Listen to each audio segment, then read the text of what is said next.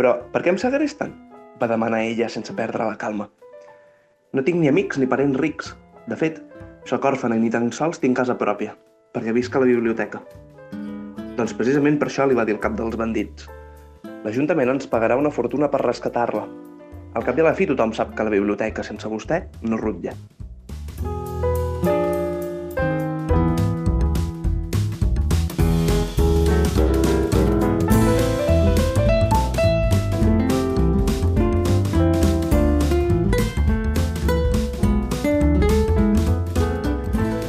Sigueu benvingudes i benvinguts altra vegada a Tàndem.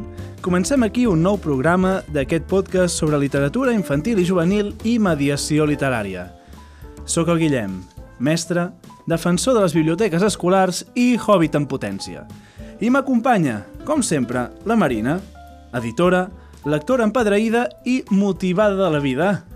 Què, Marina? Com estem? Com, com estem, eh? Ja Com estem? He fet una barreja de com ho tenim avui i com estem avui. Com que vull innovar, doncs avui és com estem avui. Com Avui estem fatal.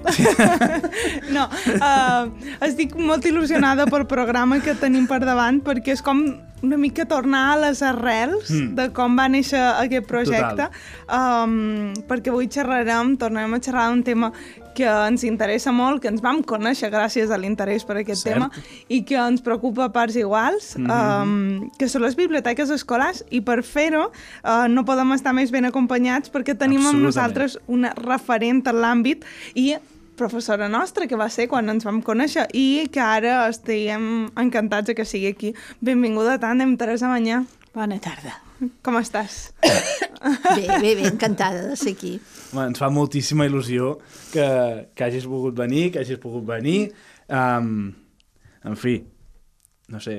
No te posis nerviós, Sí, perquè sempre que rebem gent que, bueno, que, ens, que ens ha conegut en altres circumstàncies, uh, pues em fa il·lusió i crec que és, és maco poder fer poder-ho fer així. No sé, jo, jo ho, trobo, ho trobo com un... Justi... Bueno, diré justícia divina i no és justícia divina, però com una cosa... Justícia poètica. Sí, bueno, no ho sé. En tot cas, um, gràcies. I ara ve el moment en què fem una petita biografia teva. Llavors, tot el que ens deixem, que vulguis afegir, que vulguis modificar, tu en intervens quan et dongui la, la gana. Al final, miraré a veure què surt. A veure, som-hi. Teresa Manyà és llicenciada en Filologia Catalana i diplomada en Biblioteconomia i Documentació. De fet, és doctora en Documentació. S'ha centrat en la docència i en la investigació, tot i que també va exercir de bibliotecària.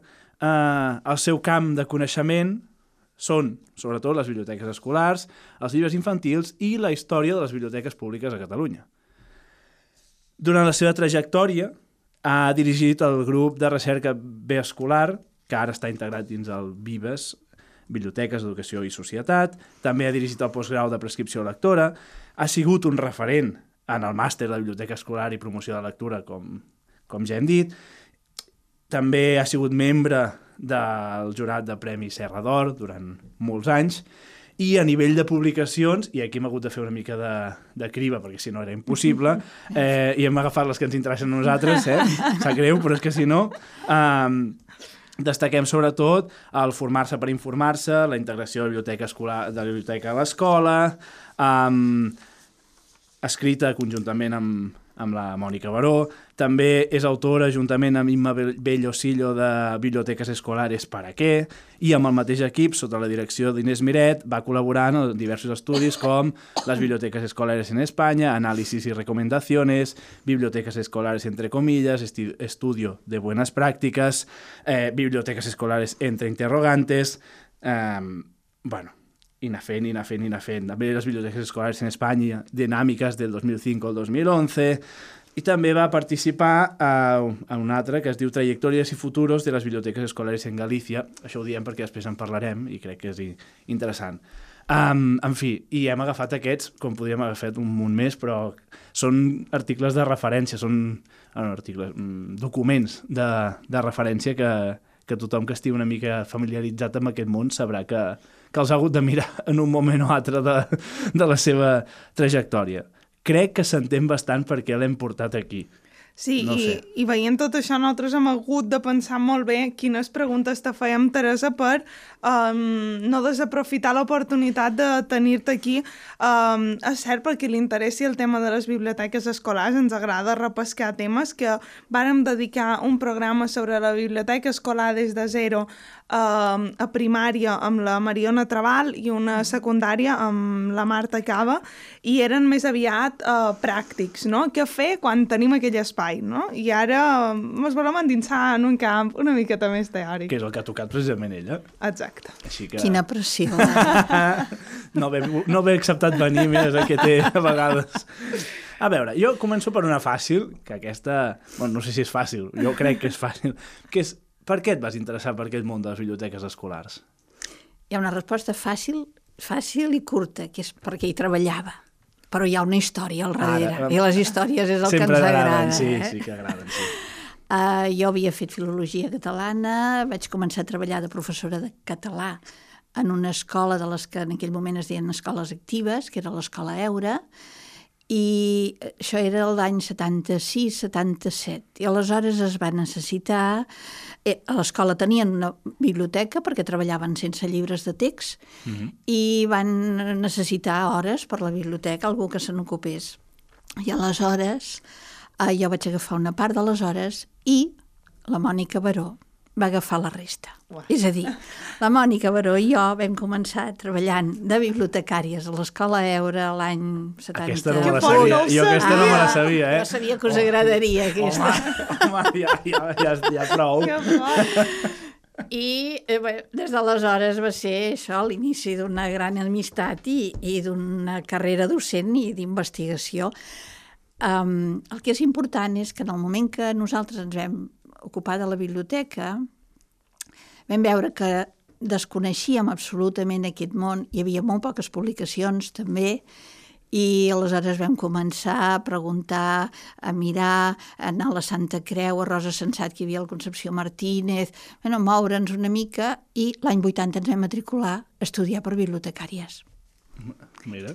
El 80. I, i, i d'allà, i des d'aleshores fins ara. Sigui que és bonic. Home, home, és, és, història. veus com les històries són, són el, que, el que interessen de veritat? Ostres, Jo- Mònica Baró també té un programa d'Àndem, Ah, sí, sí. que pobreta va, va gravar online, ella, Sí, en és línia. vera, era pandèmia, pandèmia. Un dia la convidarem que vingui Que vingui. aquí. Que De vingui. fet, tant podria ser jo com ella, com tu has dit bé, en parlar dels estudis que hem fet dirigits per la Inés Miret i en companyia de la Imma Bellosillo, el currículum d'investigació i de treball de la Mònica Baró i meu és absolutament intercanviable i, i comú. Està bé, així, així el guió és més fàcil de fer. Ja, ja el tenim Exacte, fet. podreu repetir. Um, jo no tinc una pregunta, crec que tan fàcil com la, la d'en Guillem, però és obligatòria, que és com definiries tu, Teresa, què és una biblioteca escolar? També en tinc una de fàcil, Vinga. que és... Veus com fas tot fàcil? Pensa, pensa que el programa ha de durar una hora, si ho fem tot fàcil, ràpid, no... No, no, no, tinc la fàcil i la llarga. Val, val, perfecte. Eh? Uh, la fàcil és, una biblioteca escolar és un recurs educatiu, Mm, un entorn d'aprenentatge, és a dir, Mhm. és, eh, de fet és un conjunt o un centre, jo diria un centre de recursos de tot tipus, o sigui, hem de pensar, no estem pensant només en llibres, estem pensant en tot tipus de recursos i sobretot amb els digitals. No és un espai, Mhm. són, això, són recursos ordenats que els puguis trobar, que els puguis treballar. Al servei de la comunitat educativa, que això són alumnes, alumnat i professorat. Que moltes vegades ens oblidem del professorat i diem els alumnes per llegir. És a dir, un centre de recursos de tot tipus al servei de la comunitat educativa per dur a terme el procés d'aprenentatge que es fa en un centre educatiu, basat en la lectura, la informació i el coneixement. Mhm. Això seria la llarga. I després les directrius catalanes en tenen una que, que és bonica, que és bonica però és una mica més poètica, diguem-ne, que en diuen són una biblioteca escolar és una porta d'entrada al món del coneixement i de la informació. És més poètica. Sí. Eh? Es- Perd matisos. Sí, sí. Per això jo, podeu agafar la que vulgueu de totes. crec que aquí sempre agafarem de moment la, la, la teva, que sempre és més, és més interessant ara mateix. Val, llavors, entenent això, la biblioteca escolar com un centre de recursos, I no un espai, no m'ha agradat això. quins són els principals objectius o funcions que ha de desenvolupar una biblioteca escolar? En primer lloc, ha de donar suport a l'aprenentatge. Mm -hmm. Vosaltres m'agrada que ja m'heu sentit, fa- tinc com l'efecte de que estic repetint lliçons. Endavant, perquè endavant, per això, per això hi som. M'heu Sí. sentit moltes vegades, però la funció bàsica d'una biblioteca escolar és la de donar suport a l'aprenentatge. És- a dir, ajudar el professorat a ensenyar i els alumnes a aprendre amb mètodes i recursos apropiats, per exemple, els recursos digitals a hores d'ara, a totes les aplicacions noves que surten, a la història aquesta del xap GPT. Però, però tot això hauria d'estar integrat dins la biblioteca es escolar per donar aquest suport i impulsar els canvis metodològics, els canvis en la manera de fer.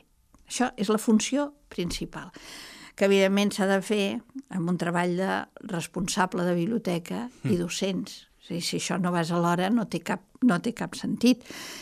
Um, I uh, fins a tal punt és cert això que s'ha demostrat en estudis sobretot americans, com quan la biblioteca escolar funciona, el resultat d'aprenentatge dels alumnes és millor.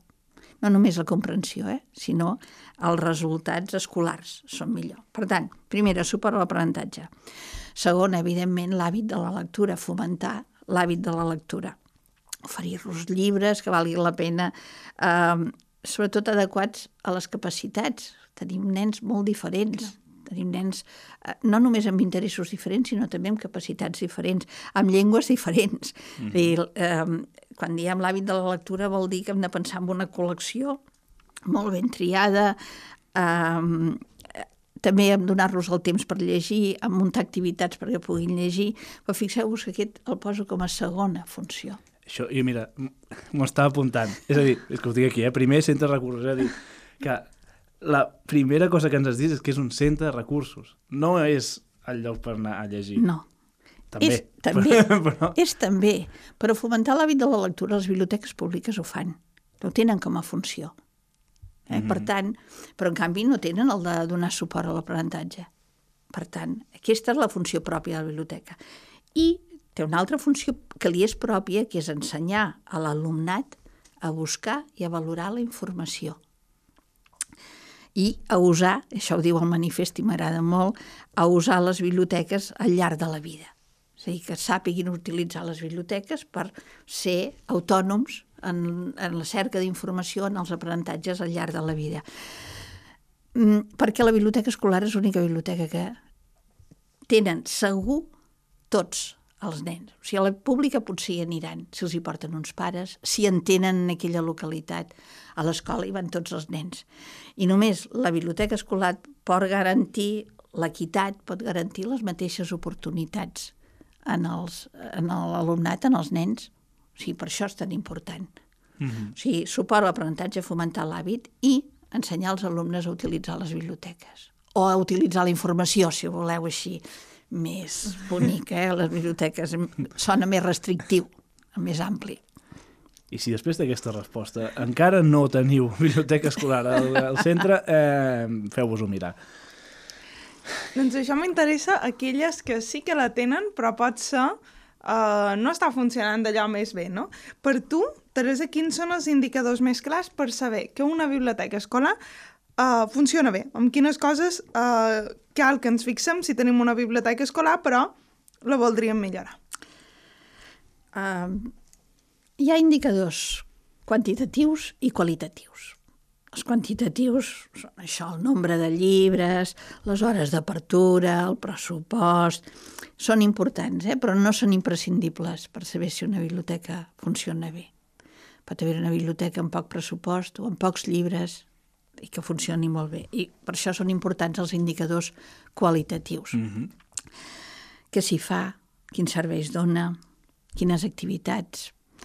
Uh, si forma part de les prioritats dels docents, com la considera el professorat. Això són com intangibles, eh? són els qualitatius.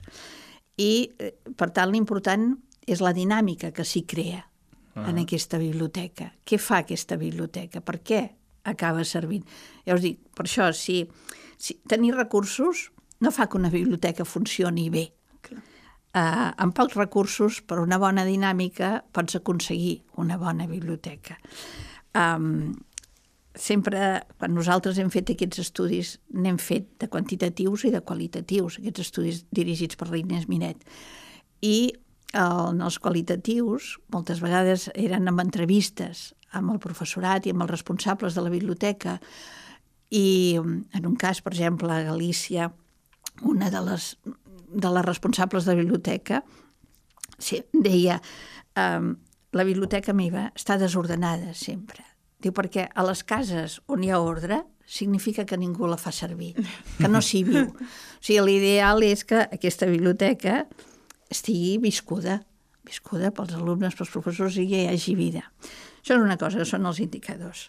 O sigui que hem de mirar, quan, quan mirem una biblioteca, mm, que funcioni bé, hi ha moltes coses. Clar. Però aquesta part qualitativa no l'hem d'oblidar. A vegades, quan hi ha les estadístiques, per exemple, les mm. estadístiques mm. només ens donen xifres, Clar. només ens donen quantitatives. I, I les quantitatives no són les que indiquen si una biblioteca funciona bé. Clar, i aquella pregunta, no? quines activitats hi fas? I llavors una mica així per sobre, i a més cada vegada canvien l'indicador, i llavors sí. és una mica... Sí, les estadístiques aquestes són una mica confoses, jo trobo. Sí. Sí, és veritat. No, no, és veritat que et centren, es centren molt en, en això. Quantes hores té el responsable? Quantes... És que és el més fàcil. Clar. Això és el més fàcil. Però si tu anessis a veure... Nosaltres n'hem visitat moltes amb la Mònica. Vas a veure una biblioteca i en el moment que tu entres a una biblioteca detectes si hi ha vida o no hi ha vida. Clar. Ho detectes perquè ja els llibres estan com moguts. No vol dir una, un desordre, eh? però estan mm. com moguts. Les cadires, hi ha gent que entra i que surt Mm, i això, notes que hi ha vida. Clar, conec biblioteques escolars amb grans pressupostos, però on el responsable de biblioteca té zero hores, on els armaris estan tancats... No, no, i, i, i clar... amb, amb hores també.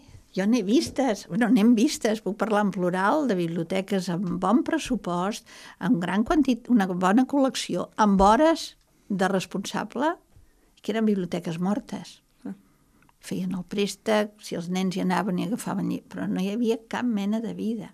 O sigui mhm. que no és el que determina que una biblioteca funcioni bé, els recursos. Ara, que si els recursos hi són, doncs quasi que, ja. quasi que millor, no? O sigui, que, si, que si la qualitat hi és, però sobre posem, i posem el factor quantitatiu, doncs llavors ja seria el, el que hauria ah, de ser, bàsicament. Això és l'ideal. I, per tant, tu diries que si volem millorar una biblioteca escolar, amb el primer que ens hem de fixar en aquestes dinàmiques, amb aquesta què hi fem més que no amb la resta? O... Uh, jo diria que per millorar-la dependrà de l'estat en què es trobi. Uh -huh. És a dir, si tu... bueno, quan amb l'Inés Miret vam fer el 2011 un, un instrument d'autoavaluació, un totxo, que ja vau veure a les classes, amb moltes preguntes, però que és un instrument per ajudar a valorar i avaluar la biblioteca des de tots els punts de vista, no només els quantitatius, sinó també els qualitatius. I eh, en funció de, de, de com es trobi, de quina és la, la radiografia que fas, doncs potser el que necessites és dinamitzar-la. Però potser està molt dinamitzada i potser estaria bé fer-hi una esporgada, mm, perquè tens moltes coses prestatges que potser fan més nosa que servei o potser caldria treballar i implicar més els docents, que mm -hmm. funciona molt bé però amb els nens, amb els alumnes de secundàries igual, però que el professorat està com una mica... No, li, no ens hi hem dedicat, diguem-ne. Mm -hmm. O sigui, aquesta, aquesta eina d'avaluació et permet fer-te com una llista, una checklist i dir, a veure, per on he d'anar? Per on he d'anar. Uh -huh. No, no, no totes les biblioteques són iguals ni estan en les mateixes condicions. Totalment. No, no, és veritat. Llavors, anem a, anem a fer una mica d'històric d'això de les biblioteques escolars, que sabem que aquí t'hem fet suar una mica. eh? perquè, clar, no és, és molt fàcil preguntar-ho, preguntar però respondre-ho ja, ja és un altre tema. Quan vas començar? Comencem per l'inici. Quan vas començar a fixar-te amb això de les biblioteques escolars, quina era la situació així genèrica d'aquesta d'aquests cent, centres? Tens raó que m'heu donat, un, donat una mica feina de buscar dates, d'ordenar panorames. Eh, quan vam començar, això eren els anys 80, hi havia un, un moviment i un interès per part de docents i bibliotecaris. És a dir, no hi havia eh, gens d'interès per part de l'administració.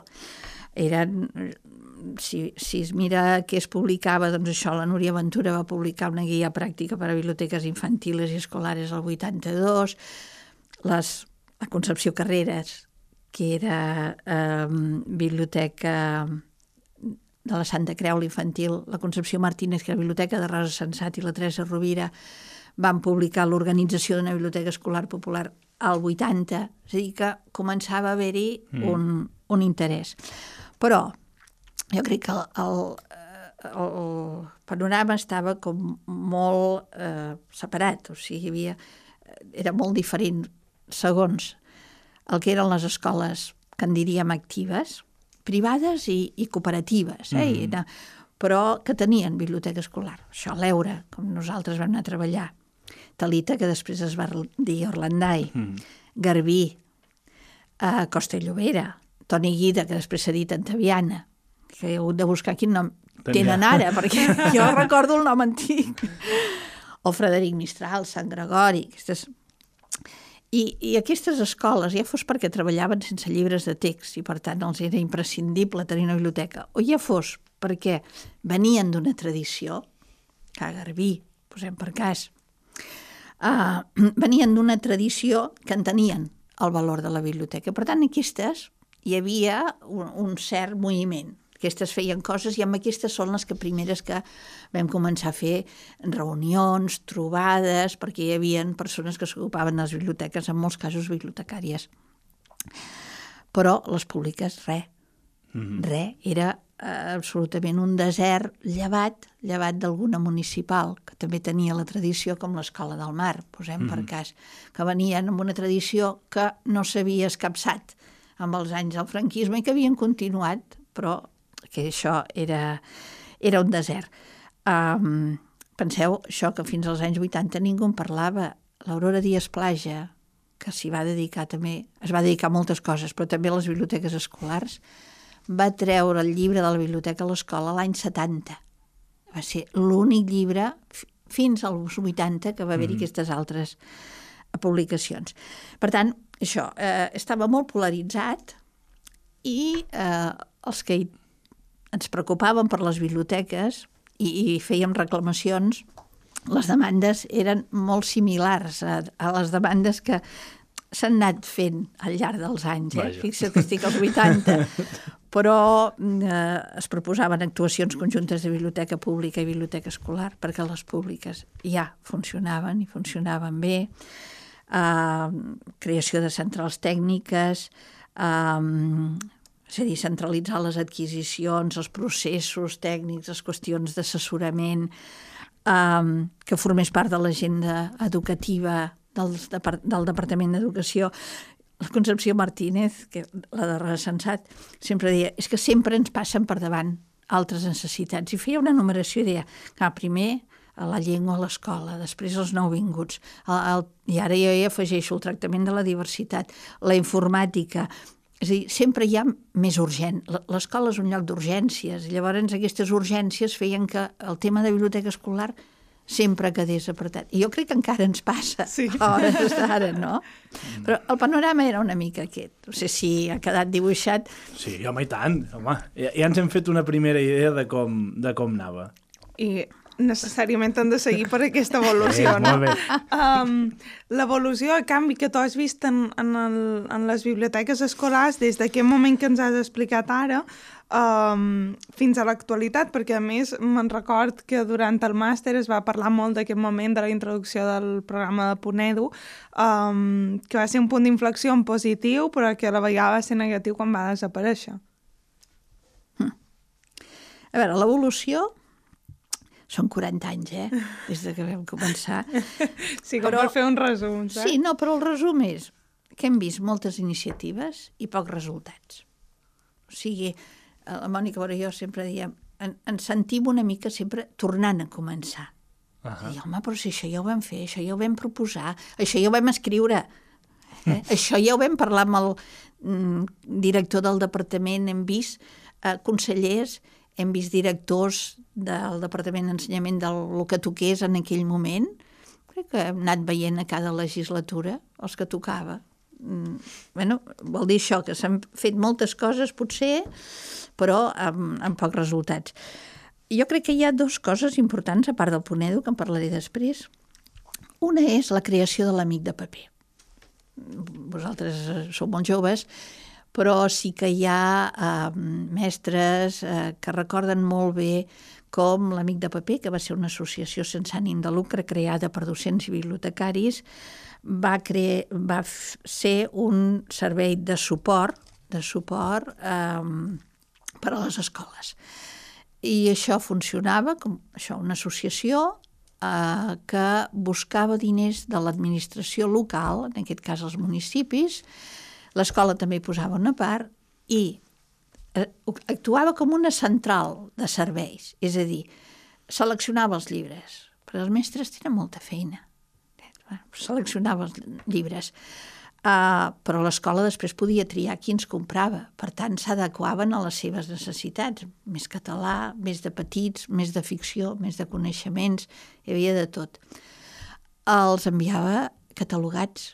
Per tant, ningú havia de passar-se l'estona, ni, ni fer una formació que costa, ni passar-se l'estona fent fitxes, simplement ja els hi arribaven, i si fos ara ja els hi haguessin arribat en línia. Arribaven unes Vols fitxes... plorar? Vols Amb el, plorar? amb el meravellós de Pèrgam fet. Fantàstic. Vol, el Perfecte. Guillem vol No, plorar. està... De... No, però, però no, feia està bé, aquesta està bé. feina. Feia aquesta feina. Mhm. Uh, va fer una tasca de formació molt important en els centres, uh, va fer estudis també, de les, el primer estudi que es va fer de, de la situació de les biblioteques escolars a Catalunya és de l'any 90 i és de l'Amic de Paper. És a dir, que jo crec que això va uh, animar, animar els centres a, a fer coses. I hi ha una cosa important, que és que hi havia primària i secundària. Mhm. Atenció, perquè quan parlem de, de la biblioteca escolar sempre ens quedem limitats a la primària i aquest servei, dels serveis de l'amic de paper, eren tant per primària com per secundària i facilitaven molt la feina de tenir una biblioteca i el que estava a l'escola el que havia de fer era dinamitzar allò. Ja tenia els llibres, bé, havia de triar, però ja tenia la feina tècnica feta, simplement havia de dinamitzar.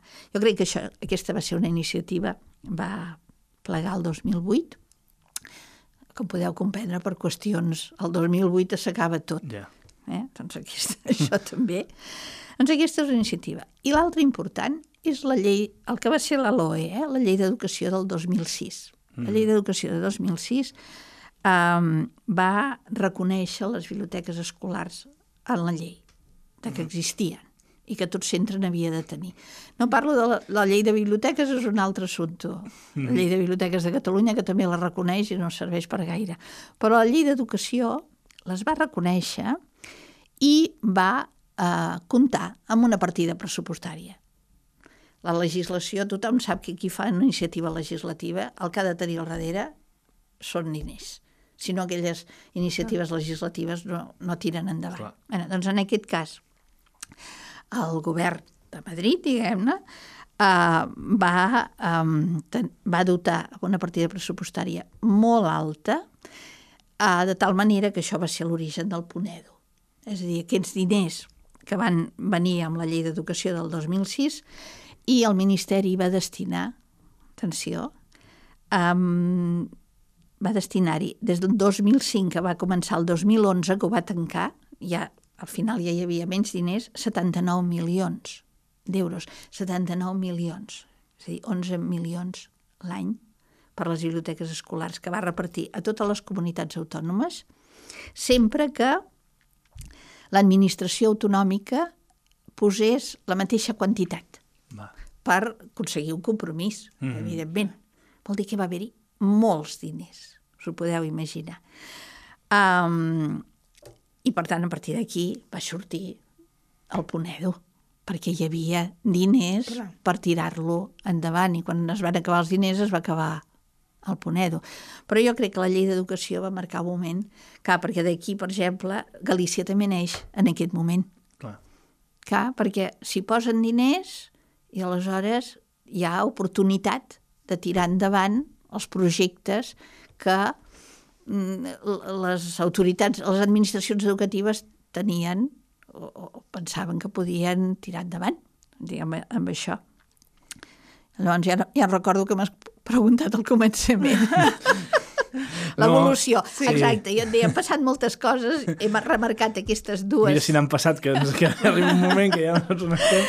he remarcat aquestes dues iniciatives que em semblaven interessants i mm, jo diria que a hores d'ara, actualment, sí que hi ha, eh, hi ha mm, més interès, o sigui, ha anat creixent l'interès dels docents, dels bibliotecaris, eh, l'administració ha anat posant recursos per formar-se, per facilitar la feina, Mhm. això sí.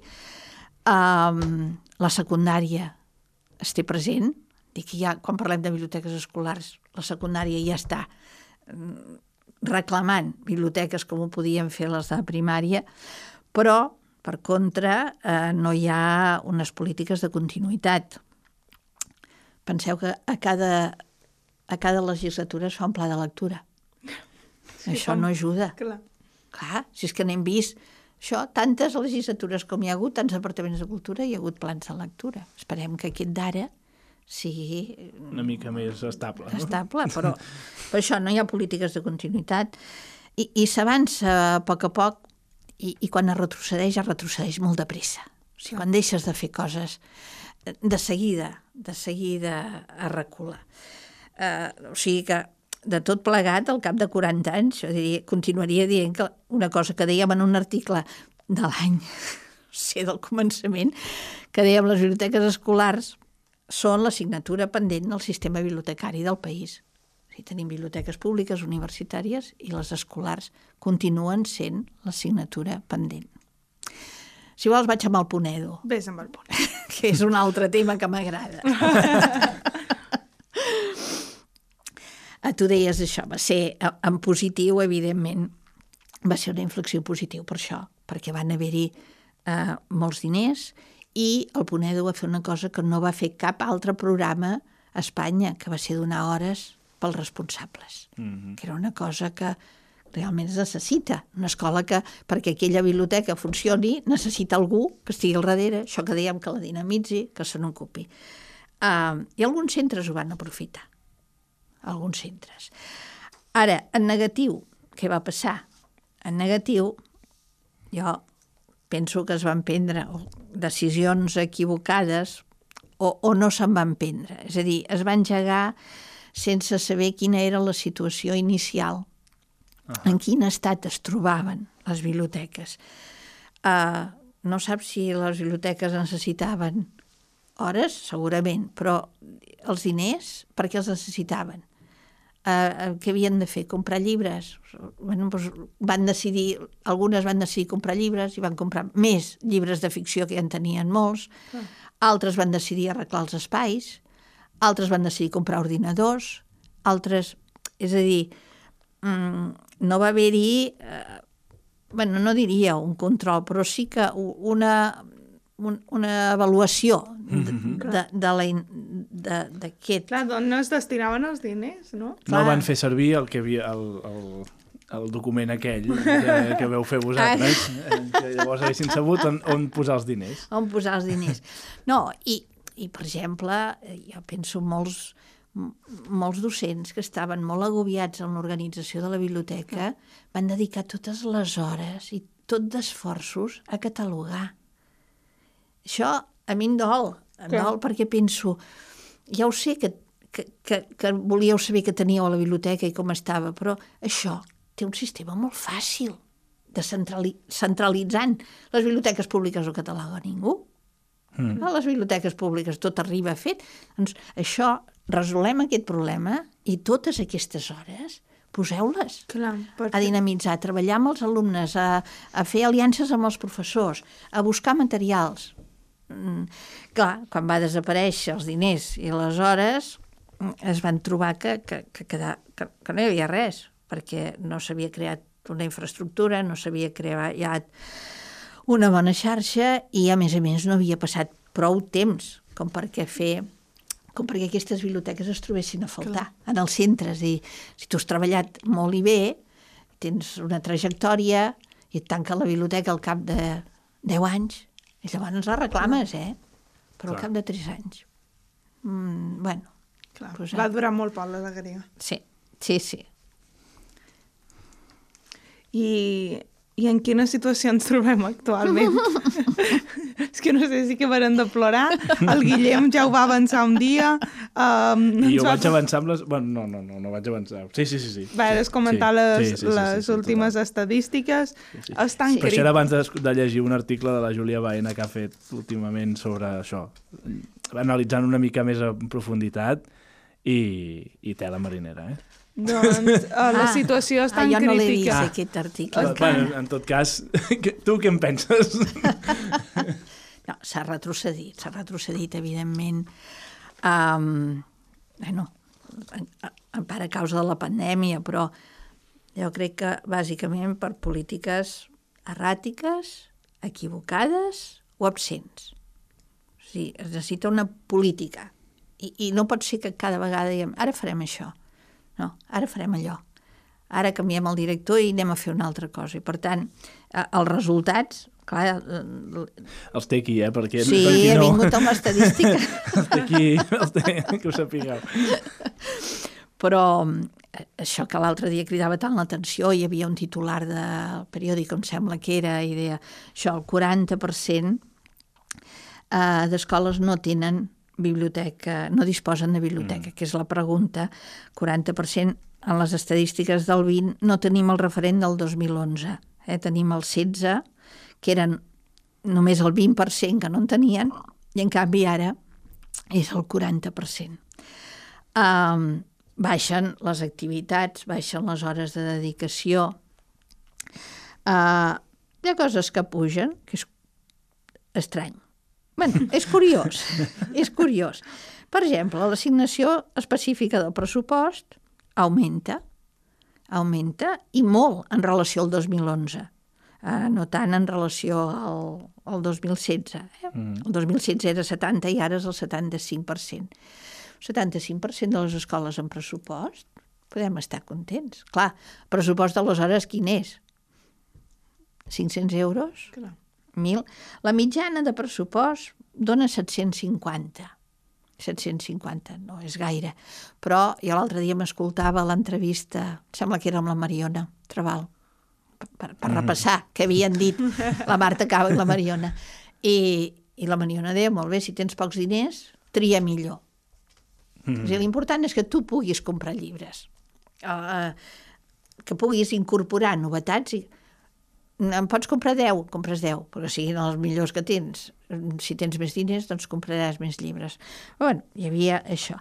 Ara, jo hi ha una cosa de les estadístiques que em sorprèn, que és una paradoxa absoluta, que és que eh, això, el 40% no tenen, no tenen biblioteca, però eh, a la pregunta de si disposen de pla de biblioteca, surt el 77%.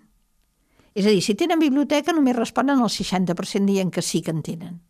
Però, en canvi, pla de biblioteca en tenen el 77%. El pla el pots Ara? tenir, si després no fa, Ah. no, no fa cas, pues, Ah, mira, això ja és el... Dic, és una paradoxa de dir, Sí, bueno, sí. per, per què tenim un pla Clar. si, si després no tenim biblioteca? Perquè no, no perquè sigui- deu tocar, no? Es Clar. deu haver de fer Clar, entre els Com tants documents. plans que aquests, sí. De... entre els documents. Uh, de tota manera, també caldria veure uh, com estan les que existeixen, eh? Clar. Dir que quin tipus de fons, quin, eh, allò que dèiem de no només les, les dades quantitatives i les qualitatives. Va, jo, jo aniria a posar una mica llum, com diu aquell, llum a la Llum a foscor. la foscor. Eh? Eh, a veure, quins passos, Teresa, creus que hauríem de seguir ara per intentar rever revertir aquesta situació que hem pintat una mica dantesca? Què hauríem de fer? Em veus la cara de satisfacció, Sí, oi? sí, sí. poder respondre això. Perfecte, m'encanta. Veig que és una bona pregunta. És una bona pregunta. Tan, tan, tan, tan. Mira, el departament té unes directrius. Mhm. Jo diria que les compleixin.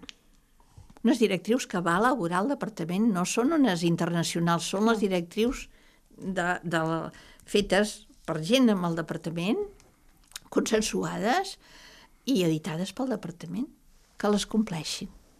Amb això avançaríem molt. Um, S'haurien de crear mecanismes de suport, suport eh, en tots els aspectes. Eh? Jo eh, trobo que més enllà de mantenir precàriament l'EPERGAM eh, i d'oferir la formació en línia, eh, s'hauria de comptar amb una bona central tècnica, amb personal format i específicament per donar suport, uh -huh. això que deia, que seleccioni, catalogui, assessori, resolgui dubtes, enviï uns lots bàsics inicials a les escoles per garantir que allò funciona, que faci una bona selecció de recursos digitals, triats, actualitzats. Bueno, bàsicament, si, si et mires què fan les biblioteques públiques, podries dir, podríem copiar, podríem copiar això. Mm -hmm. Jo crec que copiar i adaptar què fan els altres sempre és també un bon camí. Mm -hmm. Tant les biblioteques públiques com si dius Galícia, Portugal, Girona, anem a veure què fan, no inventem res, no mirem. Uh, trobo que s'hauria de treballar a nivell local, amb les biblioteques públiques, que, a, a, que tinguin personal específic per donar el suport, evidentment, perquè la biblioteca pública també l'anem carregant com a les escoles. I ha, ha de fer, ha de fer, ha de fer. Bueno, però, però el treball amb les biblioteques públiques a nivell local pot donar-nos molt bons resultats. Uh, i, I en resum, jo diria que això, que cal una política decidida i, i, una, i una feina interna als centres, que aquesta gairebé no es fa, però uh, tindrem biblioteques escolars en el moment que el professorat estigui convençut de la utilitat que tenen per fer millor la seva feina, més fàcil, més efectiva, més novedosa i per obtenir millors resultats. És a dir, jo crec que mentre no estiguin convençuts els docents del que els hi pot aportar una biblioteca escolar, per molts plans, recursos i tot això que jo ara deia a les directrius, mm -hmm. no ens en sortirem. No hi puc estar més d'acord. Que bé, que bé. I ja que deies aquesta estratègia de mirar què fan els altres i veure què podem agafar per nosaltres mateixos, com ens podem emmirallar en altres comunitats, com per exemple Galícia, que sempre es cita com a exemple de bona pràctica en, en biblioteca escolar, que és el que s'ha fet bé allà, que no m'ha aconseguit potser fer aquí. No, eh, poca cosa, però quatre coses, eh? Um, a veure, n'han fet dos de molt importants. Una és la continuïtat. Continuïtat eh, amb els responsables i amb les polítiques. O sigui, van començar una cosa i la Cristina Naboa, que era la responsable, ha estat responsable durant 15 anys seguits d'allò.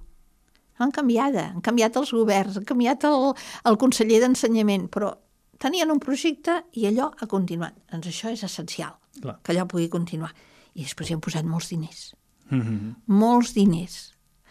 Però han controlat que se'n feien, han exigit resultats i han convençut els centres de les bondats de tenir una biblioteca escolar. O sigui, les escoles han vist eh, el retorn Clar. de fer, de fer coses a la biblioteca. És tan fàcil com això, eh? Poques coses, però efectives. Clar, no cal fer un tirabuixons ni res d'això, sinó fer el que... I a banda de Galícia, hi ha, hi ha alguns altres llocs mm, o, o potser projectes eh, de biblioteca directament a les que puguem això, fixar-nos per tenir alguns referents, algunes... Bueno, Girona. Girona és un bon referent de, de treball a nivell municipal, o sigui, de localitat, i eh, entre cultura i una relació conjunt, un treball conjunt entre cultura i educació. Potser és un model. I jo sempre dic, mirem-nos Portugal. Portugal, que, que, que Queda com aquí estem allà, com a... Sí. L'oblidem una mica. A Portugal ha fet molta feina en biblioteques escolars, a nivell municipal i a nivell estatal. Mm -hmm. I mirem a veure què han fet. I llavors, bueno, doncs, copiem i adaptem. Clar. Però això jo mm, crec que serien uh, uh, dos, dos models que ens podrien servir. Um, I després això, que diria, mirem què fan les biblioteques públiques i mirem, en el cas per la secundària, mirem què fan les biblioteques universitàries. El, el, el futur per les biblioteques de secundària és les biblioteques universitàries, en el sentit de veure els serveis que donen, el, com treballen els recursos digitals, com fan el suport a la docència amb els campus virtuals.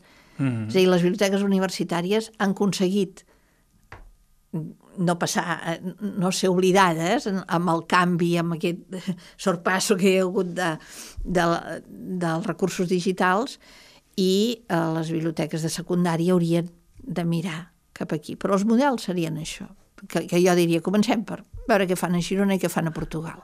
Home, no és poc. Després hi ha molt món per córrer, eh? Hi ha Clar. moltes altres coses, però dir que ens podem mirar què passa a França, que tenen serveis de suport centralitzats des dels centres de professors, des dels centres de professors, que són els que fan aquest suport. Mm, podem mirar als Estats Units, podem mirar... Ja, Canadà és un altre referent, però molt a nivell local, eh? Funcionen molt per departaments, per municipis, per no sé quina mena de distribució territorial tenen, eh? Però no és a nivell de... o no tant a nivell de país, sinó més No. a nivell... Mhm. Però aquí, tenint en compte que funcionaven comunitats autònomes, Ja ho, Seria tenim. bo de fer. clar, ja ho tenim. clar, ho tenim, això, exacte. I per últim, m'agradaria fer-li una última pregunta. Uh, què li diries a algú que ens estigui escoltant que vol impulsar la biblioteca escolar en una escola que no en té? Així, breument, un consell de la Teresa Manyà. Bueno, si no en té, és el més fàcil, eh? Començar des de zero. Però jo el consell que li diria és que es busqui aliats, que convenci l'equip directiu, que convenci els docents per explicar bé què pot fer la biblioteca per millorar el procés educatiu, perquè els pot servir. Perfecte. Després ja es formarà, s'assessorarà i hi haurà molta bibliografia, pot aprendre moltes coses, però el consell és busca't aliats Clar, dins el ali- centre si vols tenir èxit. Sense aliats, No el van lloc. Perfecte. doncs mira, et deixo amb la primera secció d'en Guillem.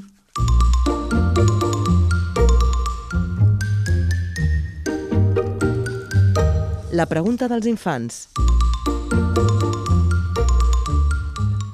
Que com a running gag ja ho faig així, ja, no, ja gairebé que no la gravo per fer-ho més divertit. I Ah, perquè no, sé, sé que avui, la, avui tampoc no a la tenim. Sé, sé que a la Marina li encanta, llavors ja... Però sí que la tenim. Ah, M'han preguntat... ah, va, però no la tens en àudio. Sí, home. Jo a la Ah, feina la faig, el que faig que la faig a mitges. la pregunta és la següent. Quin és l'espai que t'agrada més d'una biblioteca escolar? Ui, que difícil. Un espai informal, et diria. Val. O sigui, no taules i cadires i, una, i un taulell, sinó un, un, un espai que hi hagi dins que sigui informal. Molt bé. Perfecte, Crec que també ells dirien, em sembla que dirien aquest, eh? Fantàstic. perfecte. I la segona secció d'en Guillem?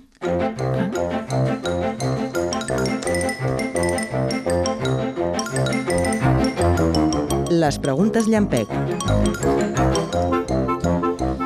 Que com diu el seu nom, has de respondre intentant ser ràpida. D'acord? Um, sabem que ets una gran experta en literatura infantil, per tant, uh, aquestes seran fàcils. Digues un personatge de literatura infantil o juvenil que et caigui realment malament. Pinocho. Oh, aquest no havia sortit? No crec. havia sortit, mira que... Hi ha alguna raó especial? Mira, perquè... trobo que no que, que li falta substància, que no, no té malícia, no té... No, no no m'agrada. Malament, malament no, eh? Però, mira, no em cau simpàtic. Perfecte, M'agrada, no, no, escolta, aquí ha caigut tothom ja. Molt bé, anem amb la segona. Amb quin autor, autora, creador o creadora t'agradaria anar a aprendre alguna cosa? Pot ser viu o mort. El Roald Dahl. Roald Dahl. Ai, que m'ho passaria molt bé. Però entenc, Convideu-me quan ho aconseguiu. però entenc que és el Roald Dahl sense censura, no? li sortiria un pip cada vegada que intentes xerrar. Molt bé. I la última. Quin llibre no pot faltar mai a la teva tauleta de nit? Llibre de literatura juvenil. Oh, no, aquest, aquí hi ha... El que tu... El llibre que m'agrada és l'Illa del Tresor. O sigui, el llibre al qual tornaria sempre és l'Illa del Tresor. Perfecte. Doncs ja ho tenim, mira, ràpida, eh? Això és fantàstic, tu. Moltes gràcies, Teresa, per venir, per aportar-nos tota aquesta visió i tot aquest coneixement. Realment ha estat una classe magistral que Totalment. vàrem poder viure Sí, nosaltres sí, sí. en les nostres pells i estem contents que els nostres oients ho hagin pogut gaudir. Moltes gràcies. Moltes gràcies a vosaltres.